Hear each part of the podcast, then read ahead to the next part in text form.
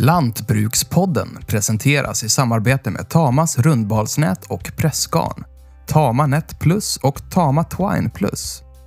De är lösningar för lantbrukare och maskinstationer med höga krav och säkerställer tillförlitlig balning. Mindre stillstid, perfekta balar. Besök tamaskandinavia.se för att läsa mer eller kontakta din lokala återförsäljare. Det är ju just att man får upp skördenivån som är den absolut största faktorn för att tjäna pengar. Ehm, och det har man ju större förutsättningar att lyckas med i en, på en gård där man har flera grödor och en bättre växtföljd. Så enkelt är det.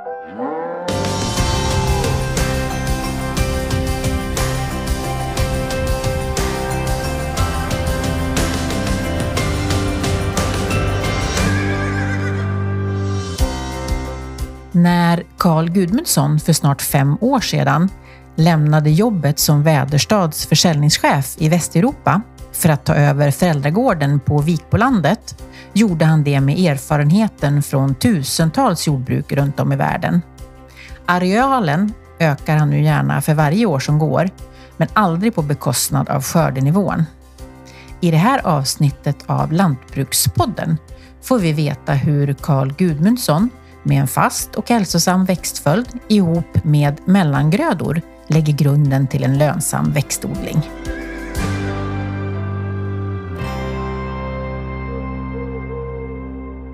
Carl Gudmundsson, vi är här på Flemminge gård mm. på Vikbolandet. Ja. Är det här du är uppvuxen? Ja, precis. Här, det här är jag uppvuxen, så det här är min föräldragård från början. Men eh, numera så driver du fler gårdar här på Vikbolandet. Hur stor areal är du uppe i nu? jo, i vårt driftbolag, då, vårt spannmåls där vi växtodlingen, så är vi uppe i fem, nästan 600 hektar, så 572 tror jag man ska vara exakt. Ja, och du har fler strängar på din lyra? Ja, så i vårt driftbolag Kryger då, så är ett växtodlings och entreprenadföretag så vi eh, håller även på med lite grävmaskiner och grävmaskinsarbeten. Eh, och vilka är ni då? 2017 eh, hösten där så startade vi bolaget, eh, jag och eh, två kollegor. Så att Kristoffer Sjögren, eller Tjoffe Sjögren som jag vill kalla det, Ulrik Holman och jag, vi startade Kryger hösten 2017. Så det här är femte växtodlingssäsongen då för dig här på Flemminge? Ja, det kan man väl säga. Det var, det var ju sent 17 som vi körde igång, så 18 var det första året som vi liksom brukade första gården här så att säga. Då. Ehm, så det var ju ett tufft startår, men eh, sen har vi lagt på lite sen dess. Mm. Mm. Just det. Det gnäggar någon häst här med, men de är inte du involverad i? Nej, det var anledningen vi körde igång då. För sam, eh, samtidigt som vi körde igång driftbolaget sammanföll med att eh, jag gjorde ett generation, jag och min mor gjorde ett generationsskifte här på gården då. 2017 hösten där. Så 2018 tog jag över eh, Eh, gården och driften här. Men min mamma bor fortfarande kvar på gården och har fortfarande igång sin hästverksamhet här. Så att eh, i stallet här bredvid så eh, har hon hästuppfödning och seminstation. Att bedriva växtodling här på Vikbolandet, hur är förutsättningarna för det då? Nej, men det är jättebra förutsättningar. Vi har ju fina, även om dock tunga men fina leror mellan backarna. Sen så skiljer sig Vikbolandet lite då här mot kusten där det är lite mer skog och betesmark insprängt och sen så när vi kommer lite närmare Norrköping så är det lite mer vad ska jag säga, slättmark. Så, eh, men bördiga jordar fast, eh, och tunga jordar. Och eh, regnet eh, har just eh, släppt sitt grepp här. Det har varit lite skurar. Det är idag den 2 juni. Mm. Och det här är kanske inte det mest typiska vädret en försommardag på Vikbolandet, eller? Nej, det är ju nu. Vi brukar säga att det växlar vid midsommar normalt sett. Ju. Och vi har ju haft nu några såna här tuffa år när det har varit eh, väldigt försommartorrt. Och det var det även i år. Vi hade ju eh, lite drygt en månad nästan utan nederbörd alls. Så eh, början här av eh, våren var ju lite nervpåträngande med att det började bli väldigt torrt. Men nu har vi faktiskt fått regn här de sista två veckorna i såna här skurar. Då. Så att nu börjar det se riktigt bra ut igen, så det är kul. Och dina odlingar växer. Du, du började med 120 hektar eller något sånt? Ja, 2018 ja. Och så har, vi, eh, har det eh, ramlat till ungefär 100 till 150 hektar om året sedan dess. Då. Och eh, var förra året, så förra hösten så, så köpte jag en gård till här lite närmare Norrköping som vi eh, började bruka i höstas. Så senaste tillskottet så att säga. Ja, och är det ju större desto bättre eller vad är målet här? Ja, jo, men lite så är det väl. Alltså det är ju, eh, eh, vårt mål är ju att, att leva och, eh, på det här liksom och, och, bara jobba med det här för det är det vi tycker är roligast. Och, så att, eh, men då behöver man upp i en viss storlek för att kunna bli dels helt självförsörjande då, med både maskiner och infrastruktur och, och, eh, och för att som sagt kunna leva på det så krävs det mer areal idag än vad kanske gjorde förr. Ja. Och eh, alltså det, du vill helst släppa grävmaskinerna eller vad är det du... ja, nej, lika mycket som jag tycker om grävmaskiner och håller på med det så är det ju ändå... Eh, eh, vår röda linje är växtodlingen. Så är det. Och när jag körde hit så såg jag ju ganska mycket höstgrödor. Mycket höstvete, ett annat rapsfält och lite sådär. Eh, men vi ska ju prata växtföljd så att eh, det kanske vore lämpligt att titta på någon vårgröda. Ja absolut, det kan vi göra. Vi är ju, alltså Vikbolandet är ju eh, mycket höstgrödor. Det är tung lera och, och, ehm, och tunga leror med försommartorka. Så är det ju kanske, kanske till och med lite för många som har fått avsmak för vårgrödor då, för att det kan vara tuffare att etablera dem på våren. Så att, eh, men eh, vi odlar ju bara vete ett år i taget. Så vi har inget efterföljande vete utan en sexårig växtföljd där vi har vete varannat år. Då. Och sen så har vi antingen höstraps eller en vårgröda däremellan. Så att, eh, vi har eh, ett havrefält precis här utanför gårdsplan som vi kan gå ner och kolla på. Ja, vi går mm. dit. Ska få med spade bara. Ja, det måste man ju alltid ha med en spade. Ja. Vi har haft lite besök här på morgonen. Ja, just det. Det har varit studiebesök av 40 fransmän här. Där var den. på flaket. Ja, men här är som du säger inget, inget eh, jätteutpräglat slättlandskap utan lite mer av mellanbygd. Mm, det är det. det, är det. Det är ju, men vi har ändå en relativt bra eh, åker... Eh, eller arronderingen är fortfarande bra. Vi, har, vi snittar väl 15 hektar ungefär på dem, i snitt på de åkrarna vi odlar här. Så att, eh, det är ändå en okej okay storlek. Ja, verkligen. Ja, den är inte så, så hög än, havren. Den går precis över kängorna. Mm. Nu har vi det har precis eh, härom dagarna blivit eh, ogräsbehandlat och, eh, och vi har även kört lite tillväxtreglering. Då, så, att, så som du ser här nu så ogräset här emellan har precis börjat krokna ner. Du sa det är svårt att, inte helt lätt att etablera havre här på Vikbolandet, men det ser ju bra ut, eller? Är du nöjd? Jo, det här är ju en super, superetablering. Här är jätte, jättefint verkligen nu, så det är vi jättenöjda med. Och här var ju förhållandena väldigt bra. Vi har haft, eh, så efter, här var det höstvete i fjol ehm, och direkt efter skörden så eh, gjorde vi en liten lättare bearbetning och sen samma dag så sådde vi in en mellangröda. Så här har det stått och vuxit en mellangröda under hela hösten ehm, som var nästan upp till midjan innan den började krokna ner av vintern. Då. Och sen så eh, nu här i våras då, så randappade vi den här i eh, april och sen sådde vi den strax därefter. Då. Och, så att, eh, och, och då den här leran då, som har stått och bevuxen med den här mellangraden hela hösten är ju som att så i ett potatisland. Så att, som ser en väldigt jämn och fin etablering. Det, det är det vi är ute efter då. Ja, men tror du det hade sett annorlunda ut här om du inte hade haft en mellangröda då? Ja, kanske inte, nö det är inte nödvändigtvis. Det är ju sagt, det är ju Eh, en tuffare vår eller en svårare vår så är ju, är skillnaderna större. Eh, en bra vår när det kommer eh, mycket regn efter sådd, då kommer ju allt upp så att säga. Men, och det, är det, det är det som är vårt mål, att när vi sår, vi vill ju så i det här fallet då, havren precis när den ska så, så tidigt som möjligt. Då, och när jorden reder sig. Så, och då när vi stoppar den i backen, då vill inte vi vara tvingade att vänta på att det ska komma ett regn för att det ska gro. Utan det ska ju gro utan den fukten som finns i marken. Och det klarar vi ju liksom i det här systemet. Så att, eh, det är en väldigt etableringssäker, eller gör vårgrödan mer etableringssäker. Och vad bestod mellangrödan av då? Och här hade vi en rejäl blandning. Det var tio olika sorter. Allt från eh, rättika och vicker och råg till eh, blodklöver. Och, ja, så en, en salig blandning egentligen. Då. Och det ser man lite på lite olika delar av fältet. Och beroende på hur mycket restkväve det är kvar då från höstvetet så är det lite olika sorter som tar, tar överhand. Då liksom. så att, eh, men eh, det blir, det blir en väldigt eh, eh, Eh, alltså den täcker marken ordentligt och den blir väldigt, vi har väldigt mycket djur och vilt som går där hela hösten. Det finns klöver och allt möjligt där i. Då. Och sen vi kan ta ett spadtag här med så ska vi se också lite hur, vad som händer i jorden med. Så det är strukturen kvar från, från i höstas här eftersom vi inte har gjort något annat än att sått det här eh, med en, en grundbearbetning då, tillsammans med såmaskinen så, eh, så har vi inte rört jorden här nere än. Ja. Ja, just där var det en sten. Ja, mitt på en sten. Så här är som ser, så vi är ju på, eh, vi har väl i snitt ungefär 60 procent lerhalt här ute. Så vi ser här att det är en, en ganska tung lera det här. Eh, men du ser det är väldigt fin färg på den, mörk och fin. Eh, maskarna har ju varit torrt här nu, så maskarna ser du, de ända här nere nu. Och ner Ah, där. jag såg någon som Ja. ramlade ner där, men det kryllar inte av dem precis här. Ja, de, de är, när, det blir, när det är så här torrt som det varit då, så är de ju på, de är ju mycket längre ner i marken än man tror. Där ligger Ja. någon hoprullad. Ja, det är en hoprullad ja, precis. Eh, men här ser du då, liksom, här ser du mycket, så här, de här knölarna här ser du, det här är rester av eh, rötter från mellangrödorna. Ja, det är ju kväveknölar som man kallar dem då, så det här är ju, pilla ner dem där. Alltså, du ser de här rötterna som håller på att förmultna här. Så jag ska pilla upp den. Vi delar på den här. Mm, bryter isär lerkokorna Ja. här.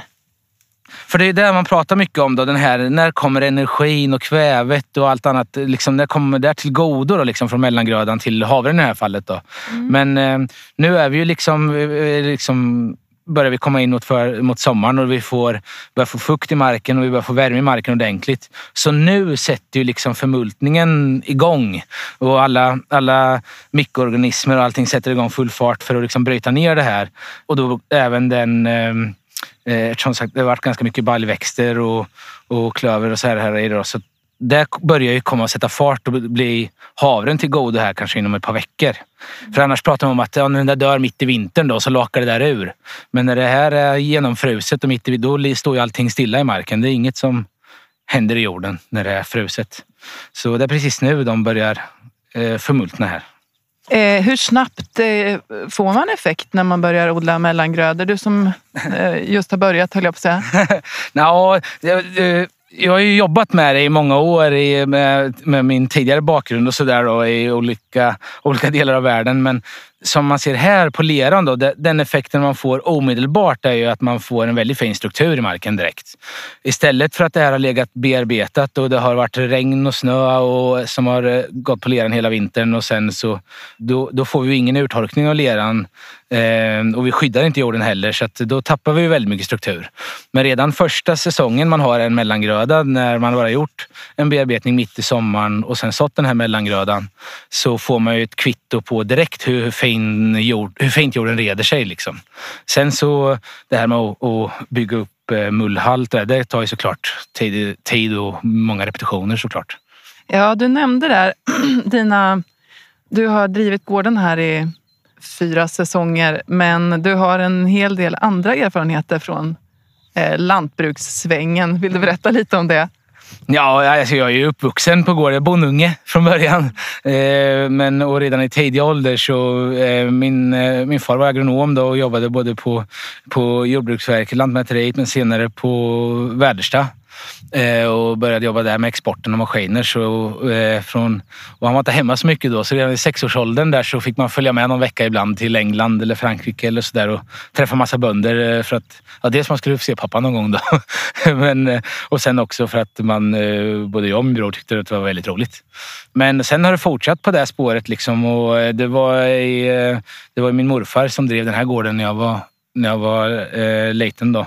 Så att eh, då var det ju, om det inte var fotbollsträning så var det att sätta sig på plogen eller harven eller sådär.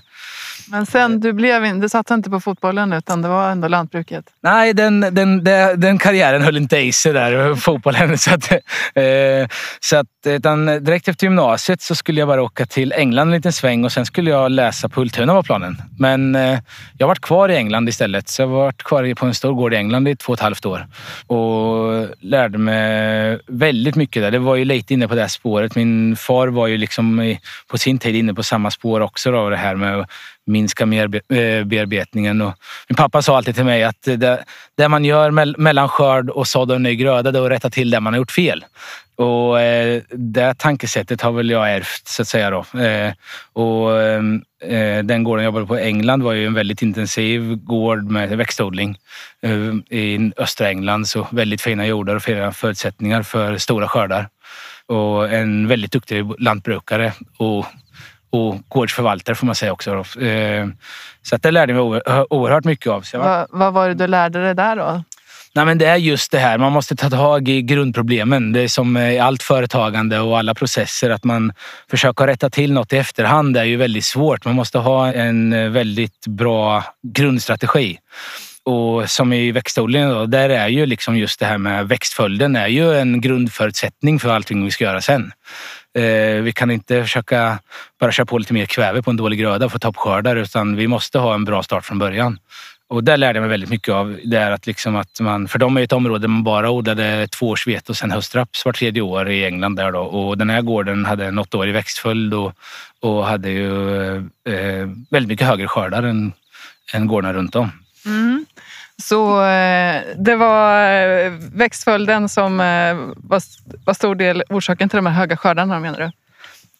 Det var, det var grundorsaken till det. Sen måste man göra allting annat rätt efter det också såklart. Som, men utan det så är det väldigt svårt att, att komma upp på de här riktiga toppskördarna. Man kan ju ha ett väldigt fint vetefält som är fjärdeårs eller femteårsvete men det kommer aldrig ha den där extra avkastningen. Liksom, utan, men, eh, men så att ha ett bra system i botten där man kan bygga vidare på att man har eh, rätt maskiner, rätt anpassade för det här systemet. Eh, Man har en lagom stor maskinpark för den arealen man brukar. Och sen att i alla, perfektion i alla utföranden. Man kör på rätt sätt på gärdet och man har maskiner rätt inställda och rätt givor och så vidare. Då. Som allt annat. Du sa förut vartannat år höstvete odlar du här i en sexårig växtföljd. Vad, vad finns det mer då? Ja, det stämmer. Så Havre ser vi här. Ja, jajamän. Och utöver havren så är det också eh, lin och höstraps. Eh, från början så körde vi med, hade vi eh, åkerbönor istället för linet. Eh, det är ju en fantastisk gröda att ha i växtföljden. Tyvärr så är det ju det. Så vi, vi har även rätt jordar ju för att odla åkerbönor men tyvärr så har vi ju lite försommartorrt här normalt sett. Försommartorka är ingen bra kombination med att försöka få någon avkastning på, på åkerbönor. Och eh, sen är ju också eh, marknaden inte tillräckligt stor eh, och stark på åkerbönor. Så att, där kör vi nu Oliver Lane istället och det är vi väldigt nöjda med. Så det är ändå, nu ska vi se här, det är två tredjedelar spannmål, två tredjedelar höstsäd. Då. Eh, hur varierat är det egentligen? Nej, och det är ju inte. Det, det, ja, det, precis. Ja, men det är hälften, hälften är, så teoretiskt då, så är hälften av arealen höstvete. Och det är ju såklart, ja, hur varierat är det? är. men, men eh, tillräckligt varierat skulle jag säga för att, att, att jorden ska må bra och att grödorna ska må bra. Eh, allt höstvete kommer in i en bra förfrukt, eh, efter en bra förfrukt och grödorna passar ihop bra i systemet. Och det som är kryddan eller eh, grädden på moset då, det är såklart att vi har de här mellangrödorna då, framför vårgrödorna. Så att all mark är konstant bevuxen. Kan man eh, också säga då att liksom mellangrödorna ger som en ytterligare liten variation där i, i växtföljden? Eller det, ja, den, den bidrar till variation då?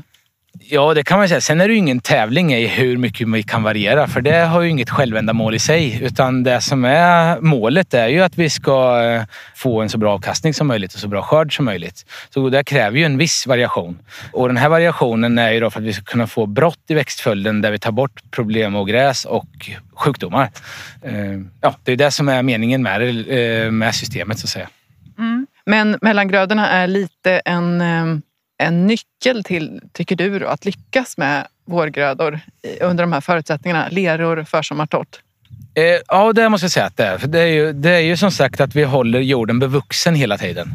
Eh, det, det är ju, alla komponenter ska ju passa ihop med varandra. Har man hela gården höstsådd så är det såklart också bra på ett sätt. För då har man ju eh, allting bevuxet och man skyddar jorden, man har tillväxt överallt, man har mindre näringsläckage och så vidare. Då. Men, men då tappar vi istället då i skörd på höstgrödorna.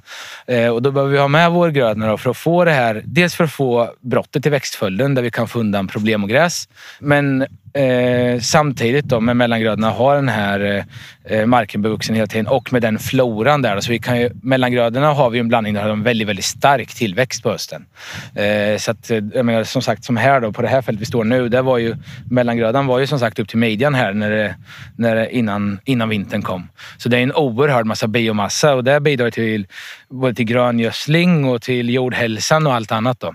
För eh, målen som vi styr efter är ju att vi ska ha, att vi ska ha en hög effektivitet och att vi ska ha en så hög avkastning det bara går och att det ska vara ett hållbart system som håller eh, fram i tiden. Mm. Och vad menade du med, då med hög effektivitet? Jo, det, det, är ju att som sagt att på varje kvadratmeter då, som man, man i, i eller varje hektar så ska vi ta så hög avkastning vi bara kan.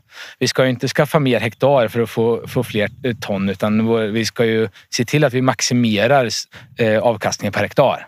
Så varje hektar, om vi får upp det 500 kilo till så är ju det bra för alla. Både för hållbarheten, effektiviteten och, och för oss själva. Och, och då ska vi kunna göra det på ett sätt som är hållbart också i form av arbetskraft och tid och maskiner. Eh, för vi kan inte köpa obegränsat med maskiner och obegränsat med folk utan vi måste göra det på, med så små medel som möjligt. Då. Mm. Och maskiner, vi, eh, vi kanske ska gå och titta lite mm. också i maskinhallen om ja. det finns några maskiner där. Ja. nu har vi kommit in i maskinhallen här. Tvätthallen till och med. Tvätthallen till och med, vad ser vi? Ja, här har vi en såmaskin och såtraktorn. Ja. Och det är den såmaskin ni har? Ja, jajamän. Ja, hur, ser, hur ser maskinparken ut här? Ehm, ja, på, vad ska man säga, på jordbearbetning och såsidan så har vi en såmaskin, en kultivator och en vält. Och det är där vi kör med på, på åkrarna. Och sen så är det en spruta och en gödningssnurra. Och sen så är det tre traktorer totalt. Eh, och eh, du pratar här om kopplingen mellan eh, växtföljden och, mm. och maskinerna. Hur skulle det påverka maskinpark och även arbetsåtgång om ni hade ännu mer höstvete i växtföljden? Ja, men jag tror, man pratar ju väldigt mycket om eh, plöjningsfri eller plöjningsfri odling eller, eller om man plöjer. Men eh, jag tycker det är rätt så irrelevant egentligen. Utan det som är, vi behöver bara en kultivator i, som vi ser då, på grund av växtföljden för att eh, vi sår inget vete efter vete. Och, eh, och även om man gör det så är det såklart att man kan kultivera eller, eller plöja dem. Men, men, eh, men, det, men det som är i växtföljden är så här att när vi ska etablera vårt höstvete då är det eh, lein, lin eller linstubb eller havrestubb eller, eller, ha, eller havre. Då. Och då behöver vi inget annat än en lätt kultivering för att få en väldigt fin såbädd. Så på så sätt påverkar det ju då maskinparken. Att vi behöver inte ha både en kultivator och eh, en plog och en harv och så vidare. Utan, eh, eh, utan där får vi effektiviteten tack vare de förhållandena maskinerna ska in i. Men är det också så att ni, får en, ni kan liksom utnyttja maskinerna på ett annat sätt, bättre över året när ni har grödor som skördas vid olika, och sås vid olika tidpunkter och sådär? Eller det påverkar inget? Ja, det, just här i Sverige och de, den delen av världen vi lever i så har vi ett ganska tajt växt eller skördefönster oavsett ju. Sen såklart att man kan dra isär lite grann eh, med tidigare vetesorter, höstkorn och ja, växtföljden generellt då. Men vi får ju såklart mer timmar på varje maskin då, eftersom varje maskin ska ju över hela arealen så att säga. Och den ska inte bara göra för, framför någon gröda, att vi kultiverar en liten del och plöjer en annan del och så vidare. Utan det är ju kultivatorn vi använder till jordbearbetningen. Och sen så är det inte säkert att vi kör speciellt djupt med den, men eh, det kan vi också göra. Men då använder vi flexibiliteten i maskinen. Men då får vi en effektivitet att maskinen sitter för den traktorn den ska vara för och, och den kan köra på så att vi kan köra i tid när det är rätt förhållande att köra. Mm. Så det växtföljden framförallt bidrar till när det gäller maskiner det är att det behövs mindre maskiner helt enkelt. Ja, beroende på vad man odlar då. Ja, eh, men just i vårt system... Ja, just det, skulle ge på potatis skulle bli en annan sak. Ja, precis. Så att eh, det som är huvudpoängen egentligen är väl att man får en tydlig koppling till att att man börjar inte vilka maskiner man behöver och sen vad man ska odla utan vad är det vi odlar och vilka förutsättningar eh, ska vi in i och vilka förutsättningar ska vi etablera våra grödor i? Och vad behöver vi för att åstadkomma det? Mm. Så att man går på det från rätt håll. Mm. Vi går ut här igen till lärkorna. De har tystnat lite. Ja, deras glädjerus efter eh, eh, regnet har liksom lagt sig. Vi tar med spaden och åker och kollar på ett höstvete. Det är ju trots allt gårdens största gröda. Precis. Hoppa in där. En riktig gårdsbil. Som är, Jaha. där finns allting i den man behöver för att klara sig en hel dag. Ja, Okej, snus och cigaretter. Det är bra. Och tumstock. Ja, Ja. och stövlar. Ja. Här är såna här rutor då, som är sånt som vi inte producerar. Med ett rådjur i också. Ja, det ligger säkert ett litet kid här någonstans också. Ja. Så då, som blir på sommaren då blir det ju fint med. Då är det ju blommor och... eh, Ja, liksom, det, så, är det cikoria som... Ja, det är cikoria och klöver och sen så är det ju... Det som är svårt när man kommer in på år två och tre det är hur mycket som honungsörten och sådär då. Hur mycket som... eh, Men så alla såna här smårutor som vi inte brukar om man säger då. De eh, sår vi in en sån här fågelblandning eller viltblandning då. Så eh, det fyller ju omgivningen och, och bra för naturen. Och, och sen är det också väldigt eh, glada pårop från de som bor runt omkring att det ser lite, lite blommor och fint på sommaren så här med. Så att, eh, Ja. mm, göra någonting bra av det som man inte kan producera på. Ja. Och jag tar på mig den här slutade pipa med. Slipper ha det. ja, just det. Du glömde bältet där. Den här är helt direkt sått då. Så ser det lite ojämnare. Så det här är ju... ehm, det är havre vi ser här. Ja, ja, jajamän. Men eh, så det här eh, rena direktsådden har inte riktigt... Eh, ja, det, ligger, det är inte så vi gör egentligen, men här har vi ett litet försök i år då. Där vi har eh, sått mellangrödan direkt och sen även sått havren direkt då. Och det här det ser ju fint ut, men man ser det här, det är lite ojämnt. Och, eh, bara att göra den här lilla grunda bearbetningen innan eh, så att verkligen varje kvadratmeter är perfekt. Den är guld värd. Du får det perfekta fältet. Hur grund är den här bearbetningen då? Den är varierande. Eh, Den är efter, så att eh, målet är när vi stoppar ner kultivatorn så ska det alltid vara färdig såbädd efteråt. Och är det för, blir det för grovt, då lyfter vi upp den tills det blir bra. Eh, Så att vi kör så, så grunt som vi kan, men så djupt som vi måste. Så att, eh, om man säger då. Så att, men vi vill ju att när vi gör en insats på fältet, då ska ju, eh, då ska ju förutsättningarna vara bättre när vi kommer därifrån, inte sämre. Så här ser hur blöta vi blir om vi går ut här. Och här har vi ett höstvetefält efter höstraps på högersidan här. Nu ser man eh, Bråviken här också. Jajamän. Vi är ju nära Bråviken här nere. Så att här nere så... Det här krondiket vi har följt ner här borta, det går ut i Bråviken här nere. Så att allt vårt dräneringsvatten från den här gården går i det här stora krondiket ner så kommer här längs med kraftledningen ner där. Och sen så i slutet på den så har vi gjort en våtmark eh, som är en, ja, en, en kvävefosforfälla.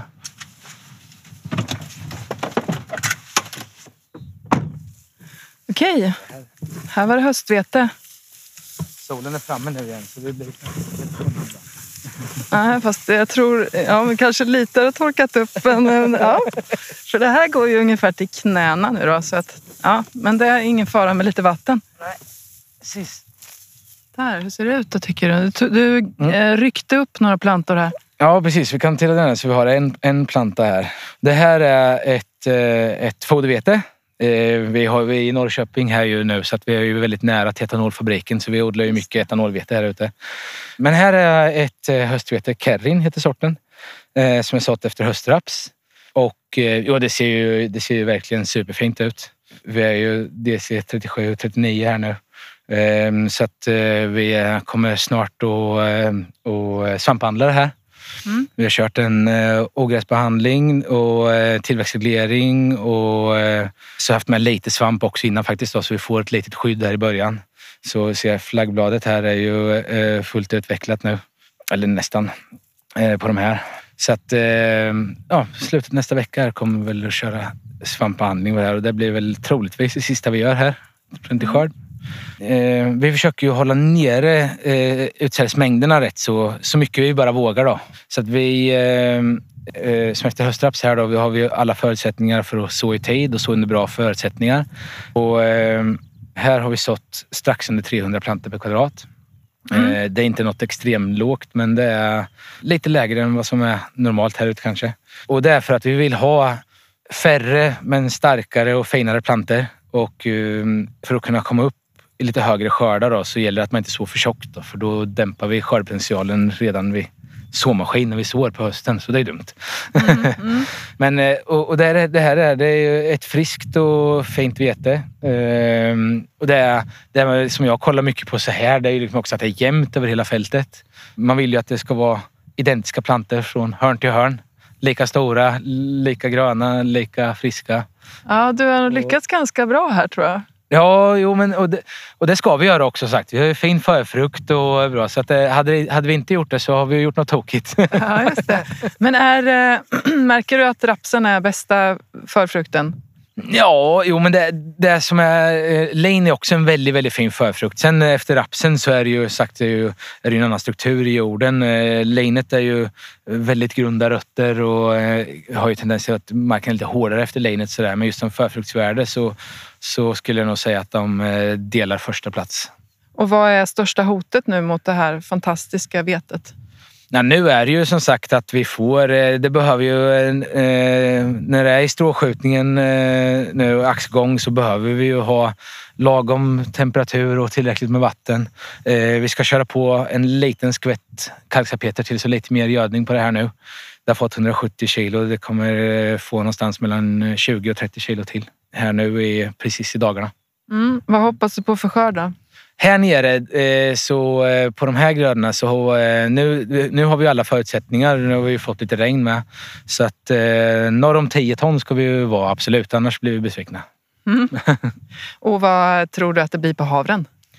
Ja, det är ju, det är ju väldigt svårt. Den är ju, havre är svår och speciellt i det här läget så här tidigt och, och skörda om. Men, men, men eh, jag har budgeterat för 6 ton Mm. eh, och eh, hoppas väl på en bra bit förbi det. Vi lämnar höstvetefältet och tillbaka på Flemmingens gårdsplan tar vi upp tråden om Karls tidigare yrkeserfarenheter. Jag jobbade på Väderstad i många år, eller många år, men i över tio år. Och, ehm, och de säljer ju maskiner runt om i hela världen. Så att, eh, jag jobbade som säljare där och, ehm, och var alltifrån ja, västra Kanada till östra Ryssland och allting däremellan. Så, och bara träffa bönder eh, runt om i världen hela tiden. Så att, eh, det var ju väldigt eh, både kul och lärorikt. Det är ju så vitt spridda kulturer och, och geografiskt spritt. Men där man funderar över de svårigheter man har och utmaningarna man har inom växtodlingen är ju ändå eh, ofta väldigt likt. Vad har du framför allt tagit med dig då från de åren?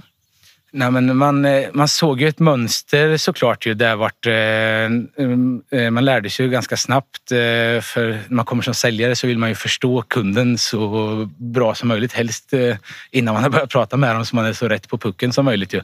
Och man kunde ju se eh, liksom en, eh, en lantbrukare som verkligen hade lyckats hålla på länge och vad det var de tyckte var viktigt eh, och vad de fokuserade på. Och det var just den här alltså, detaljkunskapen och, och som, återigen, jag vet inte hur många gånger vi har nämnt växtföljd nu så här långt, men, men man lägger väldigt stor vikt vid de här grundläggande, grundläggande sakerna inom växtodlingen. Ja, du menar runt om i världen funderar bönder mycket på växtföljd, eller? Ja, men man såg, man kom till någon som man hade, som eh, hade fina grödor och, eh, och eh, många, många kunder hade vi långa relationer med så man kunde ju se en del av deras resa. Liksom. Och då kunde man ju se de som hade gått väldigt bra för och de som kanske inte hade gått så bra för och så där. Och så, eller inte lika bra. Men, men det mönstret såg man ändå liksom vad som gav ett netto på sista raden.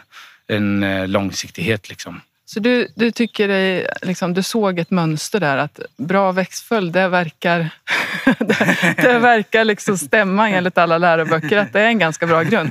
Jo, men så är det ju. Det var, jag tror jag nämnde det häromdagen. Jag tror det till och med står i Bibeln om jag inte har fel. Och den är ju, den är ju, har ju några år på nacken. Så, att, så att det, det är inget nytt. Jag tror det är ingen som inte tycker att det är viktigt. Men, men, eh, och nu är vi ju en del av världen där, där ändå där vi har en bra spridning på grödor. Alltså generellt i Sverige så odlar vi ju många och då växtföljd väger tungt i, tungt i Sverige.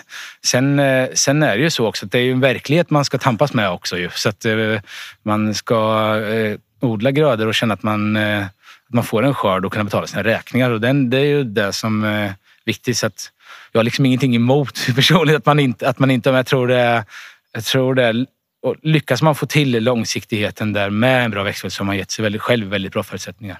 Mm. Totalt sett, du har väl ändå lägre skördar på vårgrödorna här, eller? Ja, ton, det beror på vad det är för gröda såklart. Men mot höstvetet så per ton så är det ju så. Men sen är det ju när man, om man eh, ställer upp alla grödor, för det är ju en sanning då att eh, höstvete och andraårsvete är alltid lönsammare än vilken vårgröda som helst. Och sen så har det ju liksom blivit en där att man har det här efterkalkylsnacket med många rådgivningsfirmor och så på hösten och så ska man prata grödval och sånt. Och och det tycker jag är en väldigt felaktig eh, strategi. För att ska man göra grödval på vintern och se att det är någon vårgröda som sticker iväg i pris eller är efterfrågad och så ska man etablera den då det året. Då har man liksom inte systemet förberett för det och kanske inte jorden förberedd för det. Eh, man kanske aldrig har odlat den vårgrödan för även om man har varit eh, jordbrukare hela livet så är vi inte experter på att odla alla grödor utan vi, vi behöver ju träning för att kunna odla de grödorna vi odlar på ett bra och effektivt sätt. Så att, och då ser man också att det är har man haft eh, en växtföljd under en längre tid med grödor som man kan och vårgrödor så bara för att det är inte är lika många ton per hektar så behöver nettot absolut inte följa samma mönster. Utan det varierar väldigt mycket från år till år.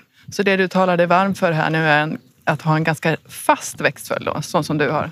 Absolut. Absolut. För vi köper ju insatsvaror nu som vi ska använda om ett år. Eh, och vi kan ju inte vara lång, se långt fram i framtiden vad vi behöver om vi inte vet vad vi ska odla för någonting. Och som sagt, sen är det ju det här hela systemet. Då, för ska vi ändra systemet, det är ju tänkt ett fabriksgolv där du ska ändra produktionen varje år och bygga, bygga det eller bygga något annat. Du måste kunna planera över tid för att vara effektiv.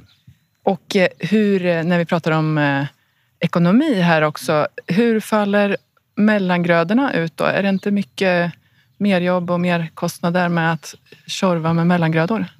Eh, jo, eh, det är ju. Men eh, vad ska man säga, om man jämför om vi hade haft samma växtföljning fast minus mellangrödorna. Då hade vi ju, om man ser eh, eh traditionellt, då, så hade vi kanske höstplöjt eller höstkultiverat då, och gjort någon form av jordbearbetning på hösten och sen lämnat den jorden bar för att sen så i den på våren. Skillnaden här då är att vi eh, gör den här insatsen, även dock att vi gör den tidigare och mitt i skörden. Och det är väl den största obekvämlighetsfaktorn, är väl att eh, vi behöver så mellangrödorna mitt i skörden när vi håller på med allting annat. Men då gör vi en kultivering och en sådd och så, så utsädes för mellangrödorna. Då. Och, och det ligger ju allting ifrån 300 till 800-900 kronor per hektar i utsädeskostnad för eh, mellangrödan. Men eh, nu finns det lite olika stöd att söka. Då. Eh, idag eh, finns ju fånggrödestöd som är om en ganska snävt har varit ett femårsåtagande på så kommer vi in nu i nya CAP 23 som ser ut att öppna upp sig lite bättre. Men då får vi ett stöd på 2000 kronor hektaret ungefär för att så den här mellangrödan. Och då helt plötsligt så kommer vi in i kalkylen på en vårgröda där vi har ett stöd som, som ersätter oss för den arbetskostnaden. Medan om vi inte hade haft någon mellangröda så hade vi fått, inte fått något stöd för jordbevetning på hösten eller sådär då, innan. Så att eh, med mellangrödan nu så har man ju, utan att se till mer skördar och annat då, så har man ju, kommer man in i ett bättre netto per hektar på våren man ska etablera vårgrödan än om man inte sår mellangrödorna. Så totalt sett går liksom vårgrödorna plus på det här? Plus att du får en säkrare etablering då? Ja, precis. precis. Forskare på SLU har just publicerat data som tydligt visar att gårdar med en stor variation bland de grödor man odlar både tjänar mer pengar per arbetad timme och får ut mer av sina investeringar än gårdar som har en mer ensidig växtodling. Eh, däremot så visar inte den här studien riktigt vad det beror på. Men, eh, utan de har bara sett data på svenska gårdar att det verkar se ut så. Mer varierad växtodling ger en bättre ekonomi. Vad, vad tror du att det beror på?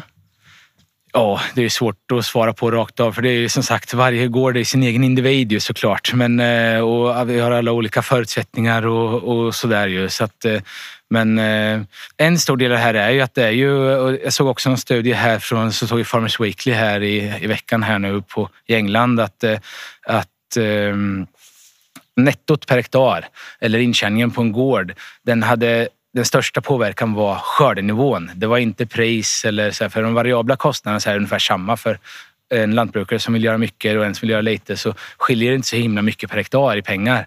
Eh, utan eh, det är ju just att man får upp skördenivån som är den absolut största faktorn för att tjäna pengar. Och det har man ju större förutsättningar att lyckas med i en, på en gård där man har flera grödor och en bättre växtföljd. Så enkelt är det. Mm, så kanske mm. det har med det att göra. Då. Mm. Det här eh, systemet du har så är ju glyfosat en, en komponent som ni stoppar in lite här och var. Mm. Hur skulle ett glyfosatförbud fungera för er odling? Ja, alltså det är ju en, så fort man håller på med mellangrödor och sådär och så tror ju folk att man ska, måste spruta glyfosat eh, hela tiden istället. Men så är det ju faktiskt inte alls. Utan vi, vi använder nog inte mer glyfosat än någon annan. Eh, vi använder det på, efter mellangrödan inför vårgrödorna. Och då är det ju en väldigt liten dos för det är på våren då. Så då eh, ligger vi mellan 300 och 500 gram på, eh, på våren innan vårsådd. Och sen så eh, är det ju efter rapsen och efter linet då. Eh, vid behov så sprutar vi ju även Roundup där då just för och då har vi en bra chans att bli av med lite eh, gräs och gräs och sånt och därför vi har bekymmer med det. Men eh, om vi skulle bli av med det så, eh, alltså jag är lite tudelad det. Det är såklart att det hade varit jag tror det är väldigt, väldigt dumt att ta bort det för att vi kan använda det på ett väldigt säkert och effektivt sätt. Och det skulle jag hävda att det generellt i Sverige gör ju verkligen det. Ehm, så ett förbud vore ju vore dumt. Men om så skulle ske så, så skulle jag nog se det på den positiva sidan. För vi kan hantera vår växtodling i det systemet vi har idag utan glyfosat även, än om det skulle bli lite dyrare. Men det är många delar av Europa som skulle få förödande konsekvenser utan Roundup. Som norra Tyskland och Frankrike och östra England där man har väldigt mycket gräs och gräs och man odlar väldigt mycket spannmål. Ehm, de skulle få det väldigt svårt utan Roundup. Så att rent affärsmässigt tror jag nästan att vi skulle få en konkurrensfördel. Så att då skulle vi få betalt för att göra lite dyrare variant. Sen skulle det inte vara vare sig miljövänligt eh, positivt eller, eller effektivt att ta bort det. Så jag hoppas verkligen inte att det blir något förbud. Och just nu så påverkas ju lantbruket av, eh, eh, precis som alla andra branscher, då, av extremt, extrema kostnadslägen här på allt möjligt. Har, du, har det förändrat dina strategier någonting i år och framöver hur du tänker? Ja, det, det, svåraste just nu det är att det är så himla volatilt. Det är ju både på insatsvaror och på avsalupriser går ju upp och ner i, i enorma svängningar. Eh, men nu är vi i ett läge där insatsvaror är på en väldigt hög nivå. Eh, men även avsalupriserna också på en väldigt hög nivå. Så att eh, just nu så har vi ju en kalkyl på växtodlingen som är bättre än vad man aldrig någonsin sett förut. Så att, eh, eh, det är ju bara positivt. Sen är det ju det här, liksom, man försöker ju säga om framtiden och hur man ska, när ska man köpa in gödning och, och så vidare. Då. Eh, för det är ju gödningen nu, dieseln är så liten del i vår kostnad per hektar. Eh, jag tycker dieseln får oförtjänligt mycket, mycket tidningsuppslag för det handlar om ett par hundra kronor per hektar, knappt det. Och eh, om vetet är Eh, om man snittar tre kronor på vetet, nu är det uppe på nästan fyra. Så, och man tar en vettig skörd så är ju dieseln försumbar. Så att, eh, det svåraste är ju att försöka hamna någorlunda rätt. Så vi, vi gör så att vi försöker, eh, när vi ska köpa stora partier insatsvaror, till exempel gödning, då, att vi då kanske säkrar upp en liten del av skörden till en vettig nivå för just att hedga lite där. Då så att man kan sova gott om natten. Men eh, annars så är det ingen skillnad i vår strategi utan strategin är som den hela tiden har varit, det är att producera så mycket vi bara kan på den arealen vi har. Mm. Eh, och vad sa du nu, visionen framåt? Eh, effektivitet, höga skördar och Hållbarhet. Hållbarhet, ja. vad, vad blir liksom nästa steg på väg mot visionen? Eller håller ni på att finlira nu eller vad har ni på gång? Nej, det tror jag inte. Alltså, det är ju man, eh, eh, vi är ju väldigt självkritiska hela tiden och försöker bli bättre på allt. Och vi har gärna besökare som kommer hit och ser oss också så kanske kan tvåla till oss på något så vi får öppna upp ögonen för något vi inte har tänkt på själva. Så vi vill hela tiden bli bättre och göra mer. Och sen så är det såklart att sen är det ju vissa steg då som man med bränslen. Vad ska man köra med för bränsle? Skulle man gå över till 100% HVO eller något sånt där? Och liksom för att, men det, det är ju sådana val man kan göra. Och, men eh, annars är väl den stora röda linjen framåt, den är ju samma och den tror jag vi är på rätt spår faktiskt. Eh, men eh, det gäller att hänga med hela tiden för eh, det enda vi vet det är ju att så som det är idag, så är det inte imorgon. Du har hört Land Lantbruks reporter Anna Ellström intervjua Carl Gudmundsson om hur han jobbar med växtföljd och mellangrödor för en lönsam växtodling. Sam Segerblom har klippt avsnittet och jag som har producerat heter Maria Gramer. Har du synpunkter eller förslag på ämnen och gäster till podden? Maila oss på lantbrukspodden landlantbruk.se. Lantbrukspodden görs av Land Lantbruks redaktion som är en del av LRF Media. Lantbrukspodden presenteras i samarbete med Tamas rundbalsnät och pressgarn, Tama Net Plus och Tama Twine Plus. De är lösningar för lantbrukare och maskinstationer med höga krav och säkerställer tillförlitlig balning. Mindre stillstid, perfekta balar. Besök tamaskandinavia.se för att läsa mer eller kontakta din lokala återförsäljare.